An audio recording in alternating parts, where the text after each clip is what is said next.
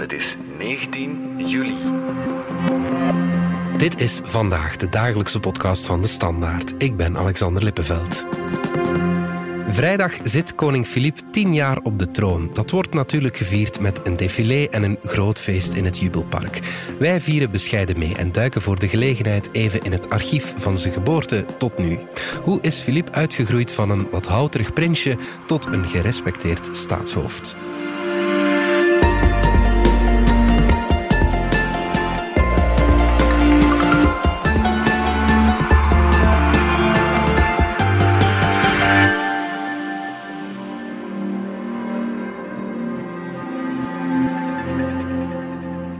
Ik zweer dat ik de grondwet en de wetten van het Belgische volk zal naleven.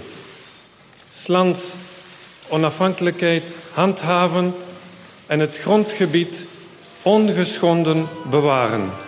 En dan volgden er nog twee talen natuurlijk. Vele beel van onze binnenlandredactie. Dit uh, herinner je je vast wel. Ja, dit was de eetaflegging van koning Filip. Mm. Uh, tien jaar geleden. Op 21 juli zal dat precies tien jaar geleden zijn. Mm. De Nationale Feestdag heeft hij toen in het parlement de eet afgelegd. Ja. Filip is de zevende koning der Belgen. In zijn jeugd was hij erg timide en onzeker. En mm. ja, werd ook een beetje als houterig omschreven en zo. Er waren speculaties of hij het wel allemaal zou aankunnen, maar hij heeft zich die functie intussen goed eigen gemaakt. Ja, ik denk uh, inderdaad dat hij in die tien jaar de meeste sceptici toch wel verrast heeft, hè? Ja, inderdaad. Zoals ik zei, er was wat sceptisch vooraf, maar um, het lijkt erop dat hij het uh, prima doet. Uh. Ja, daar komen we nog op terug. Maar we gaan even eerst uh, 63 jaar terugspoelen in de tijd. In een bijzondere nieuwsuitzending melden wij u heden voormiddag, luisteraars, dat prinses Paula vandaag de 9 uur 40 precies het leven had geschonken aan een zoon. Philips, Leopold, Lodewijk, Maria zijn de namen van het prinsje dat blauwe ogen heeft en wiens blonde haren aan die van zijn moeder herinneren. Ja, Filip was uh, in 1960 de, de eerste zoon van Albert en Paula. Maar het was lang nog niet zeker uh, dat hij koning zou worden, hè? meer nog. Het was vrij onwaarschijnlijk. Ja, want het was zelfs niet zeker dat Albert koning zou worden. Mm -hmm. In 1960, het geboortejaar van Filip, was Boudewijn, koning Boudewijn was toen 30 jaar. Hij was nog niet gehuwd, maar hij trouwde in december van dat jaar met uh, Fabiola mm -hmm. uit Spanje. De bedoeling was natuurlijk dat dit koninklijk paar zelf kinderen zou krijgen. En mm -hmm. ze wilden dat heel graag. Maar iedereen kent het verhaal. Fabiola had enkele buitenbaarmoederlijke zwangerschappen, wat dodelijk kan aflopen. En pas aan het eind van dat decennium werd dan duidelijk dat zij hun kinderwens nooit zouden vervullen en dat de troonopvolger van elders in de familie zou moeten komen. Ja, dat werd dan uh, koning Albert in 1993 is het uh, zeker. En zo werd uh, Filip de kroonprins. En een van zijn bekendste optredens als kroonprins is denk ik wel dit fragmentje. Dirk, uh, u kunt mij Filip noemen, want ik denk dat in de, in de ruimte absoluut geen protocol is. Kunt u mij zeggen wat u, wat u ziet door, door het venster? Het zicht op de aardbol is echt buitengewoon. We hebben zeg eens, uh, Veerle, wat hoorden we net? Ja, dat is Filip uh, die Dirk Friemau toespreekt, die ergens in de ruimte hangt. Mm -hmm. En ja, er werd een beetje gelachen met wat hij toen zei over protocol. En zo, het, het lijkt wel goed gevonden, maar je hoort dat het een beetje houterig is. Nu, dat is het probleem als Filip Nederlands spreekt, of toch vroeger. Dat gaat hem iets minder goed af dan het Frans natuurlijk. Ja. Het klinkt iets minder natuurlijk. Dat is intussen wel uh, gekeerd natuurlijk. Ik vind dat het hem net ja, wat sympathiek maakt. Dat hij zo mm -hmm. wat Zo kun je het ook zien, ja, zeker. Ja. Um, we spoelen nog even vooruit naar het huwelijk.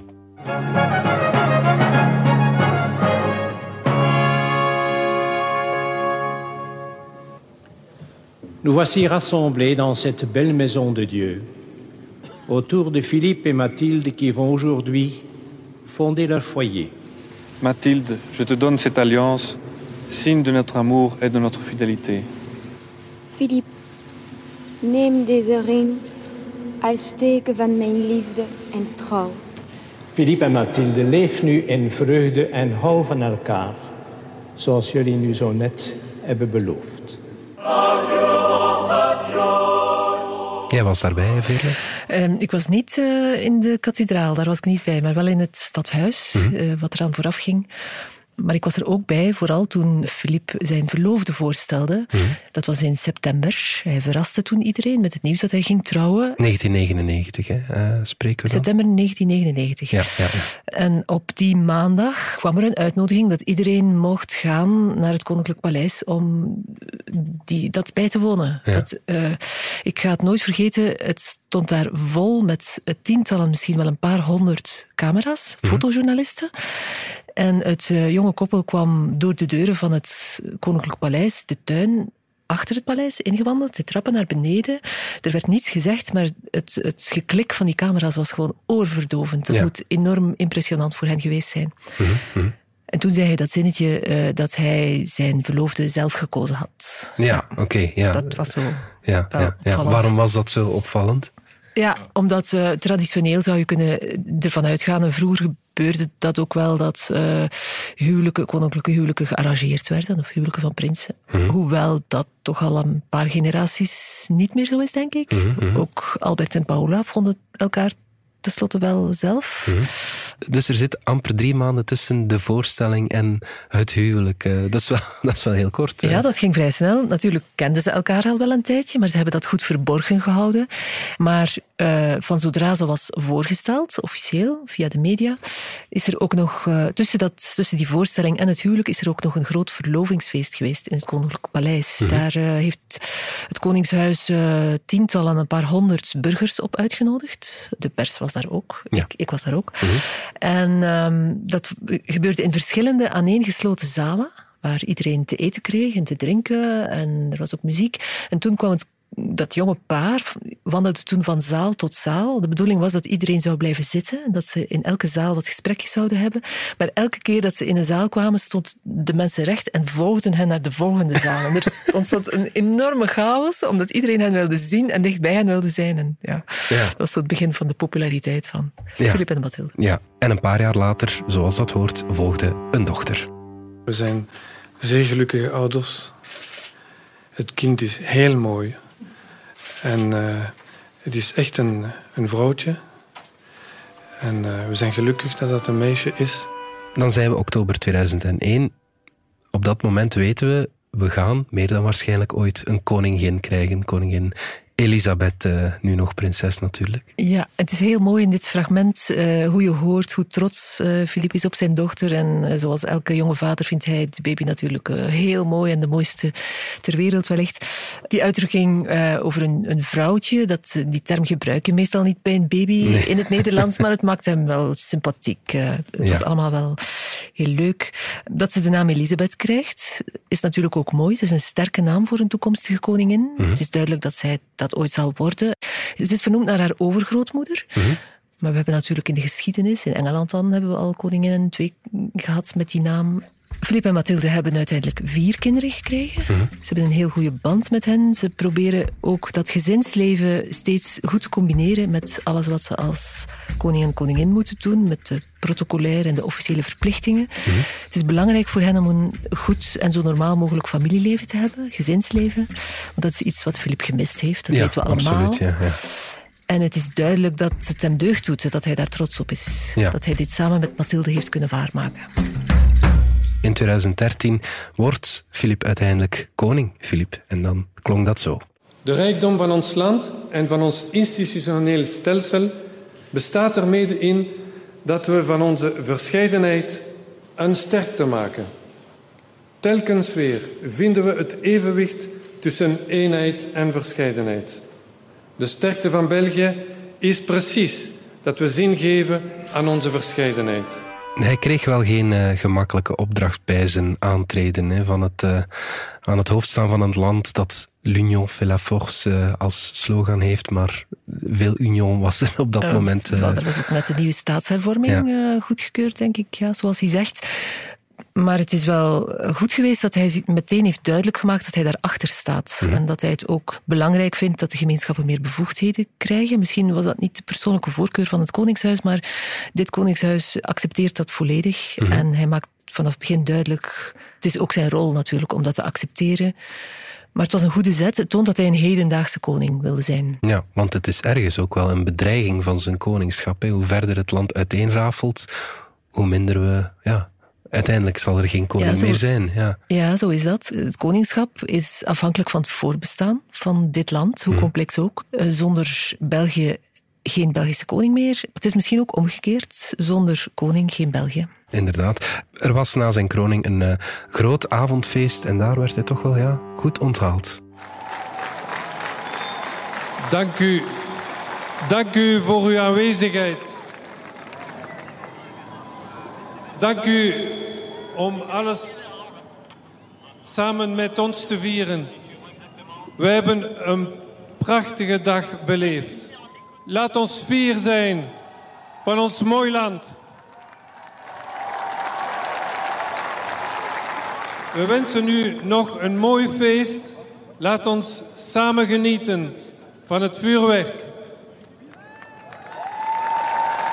Vive la Belgique, leven België.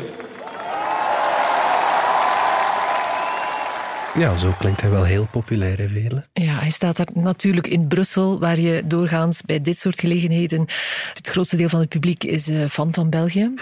Mensen die niet zo fan zijn, gaan daar niet staan juichen, denk ik. maar het is, eh, ja, hij klinkt hier erg eh, overtuigd en, en spontaan, vind ik. Het is iets wat hij vanuit zijn hart zegt. En het lijkt erop alsof hij dat meent. Ze doen er ook wel moeite voor, hè, deze koning en koningin, om populair te zijn, om goed over te komen, om contact te houden met de inwoners van dit land op alle mogelijke manieren, denk ik, door de bezoeken die ze brengen, eh, de mensen die ze ontvangen. De koningin ziet er altijd goed uit, ze praat graag met mensen. De kinderen die het goed doen, dat draagt zo allemaal bij tot hun populariteit, denk ik. Ja. Ook het feit dat hij zijn halfzus, Delphine, direct heeft ontvangen toen het juridische steekspel voorbij was. Ze was eerder bij hem dan bij koning Albert. Ja, juist. heeft dan die foto verspreid. Dat was ook een duidelijk statement. Ja, ik denk dat dat is wat de mensen ook willen zien. Geen, geen gedoe meer. Is dat zijn voornaamste doel om het Koningshuis weer ja, populair te maken? Ja, mis- misschien wel. eh, toch zeker te zorgen dat het Koningshuis eh, ehm, mee kan in de evoluerende tijd. Hij heeft zich ook om, laten omringen door, eh, goede, door nieuwe adviseurs. Goede adviseurs. En hij draagt zo'n beetje het imago uit van de goede huisvader. Ook naast de, de officiële functie is hij de goede huisvader die goede relaties onderhoudt met zijn kinderen, die de juiste hobby's heeft. eh, zit daar een beetje in de familie om van snelle auto's en snelle machines te houden. En vroeger heeft hij ook nog wel met een helikopter boven het paleis gevlogen. Ja. Maar nu doet hij aan kitesurfen.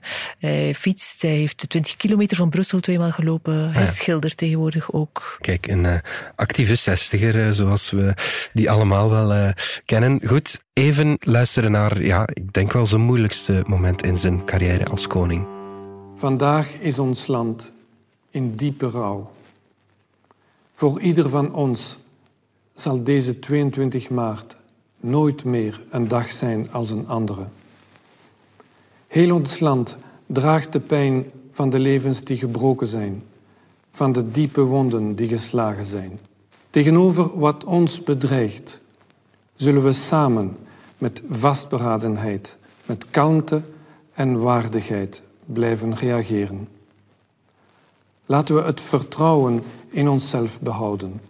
Dit vertrouwen is onze kracht. Dat is natuurlijk ook een job van de koning. hè. Er zijn op moeilijke momenten voor Ja. je land. Ja, en meteen eh, de juiste dingen zeggen of een, een emotionele boodschap uitsturen die de mensen in het hart raakt.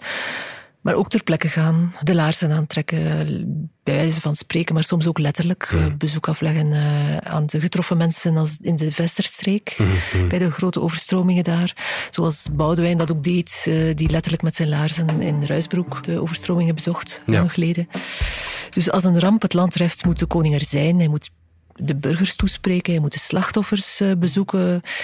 Dat hebben ze in dit geval ook na, in de aanslagen van 22 maart in 2016 hebben ze dat ook gedaan. Ze hebben al die slachtoffers bezocht. Ook Karen Noordschild, die wij vaak in de krant hebben gebracht, die, Ja. het, eh, die pas later uit coma is ontwaakt. Toen hebben ze haar ook nog bezoek gebracht. Dat is belangrijk voor Ja, de mensen. Het is absoluut. niet alleen, ja, dat is symbolisch, maar ook een, een, een erkenning. Het toont dat eigenlijk je hele land achter je staat. zo het. zoiets. Ja, ja, Ja. Ja. We gaan er heel even tussenuit, want ik heb een gloednieuwe podcastreeks aan te kondigen. Hier woont Mama Nu vanaf volgende week in jouw favoriete podcast-app.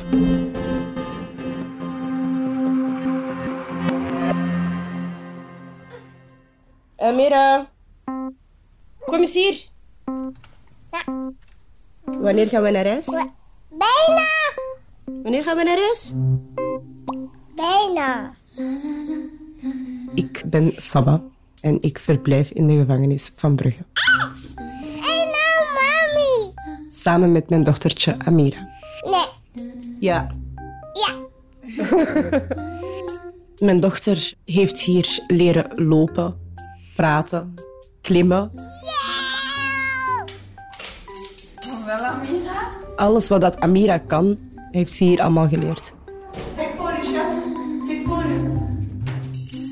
Vertel mijn verhaal in Hier woont mama nu. Een podcast over de moeder- en kindafdeling in de gevangenis van Brugge. Maar salut! Salut. Nog een keer? Salut. Luister naar Hier woont mama nu, volgende week als zomerreeks in DS Vandaag.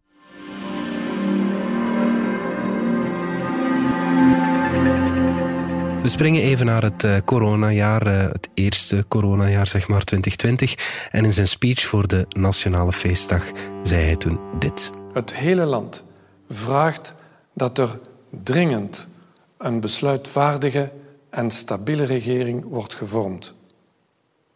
Laten we het land niet teleurstellen. We kunnen alleen maar slagen als we verder kijken dan ons eigen belang. Met moed en durf. Toen zaten we met een interim-regering, die van eh, Sophie Wilmes. Toen heeft hij wel een, een duwtje gegeven aan de politiek. hè? Ja, de regeringsvorming verliep moeilijk. We hadden al lang een regering van lopende zaken. We zaten in een moeilijke periode met de covid-pandemie. Het is de taak van de koning, expliciet ook zijn rol, om de partijen te horen en uit te nodigen om gesprekken met elkaar aan te gaan. En in dit geval roept hij ze op om tot een vergelijk te komen, om, om sneller voortgang te maken in dat proces. Hij ehm, had al partijvoorzitters uitgenodigd. Hij heeft zelfs Vlaams Belanger Tom van Grieken op het paleis uitgenodigd. Ja. Eh, dat is zijn rol. Hij moet dat zonder vooringenomenheid doen. Hij kan een, zelf een voorkeur hebben voor een coalitie, maar hij kan die niet zelf in elkaar knutselen. Hij kan aanzetten geven door sommige opdrachten te geven. Het zijn uiteindelijk de politici die het moeten doen. Ja. En in dit geval doet hij het op een eh, duidelijke, een, een, ik vind het toch ook een rustige manier. Zijn vader Albert heeft eerder, op het eind van zijn loopbaan, wel eens eh, zijn geduld verloren in zo'n toespraak. Toen het te traag ging bij de regeringsvorming. ja, toen eh, Dat overkomt Filip hier niet. bij die Roepo ging het wel heel erg traag. Dan eh, was het onze recordformatie. Maar in diezelfde speech was er nog een opvallend fragment. Even luisteren. Deze crisis heeft de broosheid en de gebreken van ons maatschappijmodel blootgelegd. In de eerste plaats treft ze de meest kwetsbaren onder ons. De crisis heeft ook de bestaande sociale ongelijkheid verergerd. Deze crisis heeft ons de ogen geopend. Ze heeft ons wakker geschud uit het comfort van onze zekerheden. Ze dwingt ons na te denken over hoe we leven. Dit is het moment om onze samenleving en onze economie te herbekijken. Dat is bijna filosofisch vele. Ja, het is bijna ook revolutionair voor een koning die zelf aan de top staat van een heel ehm, systeem van een land. Hij zegt hier, we moeten alles herdenken. Het, het is opmerkelijk en tegelijkertijd ook weer niet, omdat ik me herinner dat we tijdens die lockdown en, en wat erop volgde, dat we allemaal wel met dat gevoel zaten van eh, alles is hier aan het veranderen en misschien moet het ook veranderen. Het is nodig om ja, het, het leven op een andere manier te organiseren, want we waren niet klaar voor die pandemie. Die stelde alles in vraag. Helaas zien we nu dat sommige zaken gewoon weer hernemen. Er zijn weer heel veel mensen die met het vliegtuig op vakantie gaan. Evenveel als voorheen, dacht ik, onlangs gelezen te hebben. Maar het tweede in deze speech is dan ook weer misschien klassieker, maar vind ik ook wel heel mooi, is hoe, ze, hoe hij toch altijd weer oproept om aandacht te hebben voor mensen die het moeilijk hebben. Ja. En opmerkelijk is dat eh, de vier kinderen van de koning tijdens de lockdown hebben die telefonische gesprekken gehouden met mensen die eenzaam waren, vooral oudere mensen ook in woonzorgcentra. Oké, ja. Daar heb ik toen ook een stukje over gemaakt. Ik denk dat dat zo'n beetje georganiseerd werd, dat er gekeken werd wie in de woonzorgcentra zo'n gesprek wilde. ja. Maar toch is dat een mooi engagement wel, dat ze dat dagelijks deden. En het is iets wat dit koningspaar, dit engagement willen ze ook doorgeven aan hun kinderen. Ja, ja, ja oké. En de troonopvolgster die staat natuurlijk ook al klaar, Elisabeth. Even luisteren naar een uh, fragmentje uit haar speech op haar 18e verjaardagsfeest. 18 worden is een overgang naar volwassenheid. Een moment waarop ik stilsta bij alles wat ik heb meegekregen. Merci à toi, papa, pour ta confiance. Je sais que je pourrai toujours compter sur toi. Je sais que j'ai encore tellement à apprendre. C'est à cela que je veux m'atteler dans les années à venir. Essayer de mieux comprendre le monde dans lequel nous vivons et contribuer à l'améliorer en donnant le meilleur de moi-même. Le pays peut compter sur mon engagement.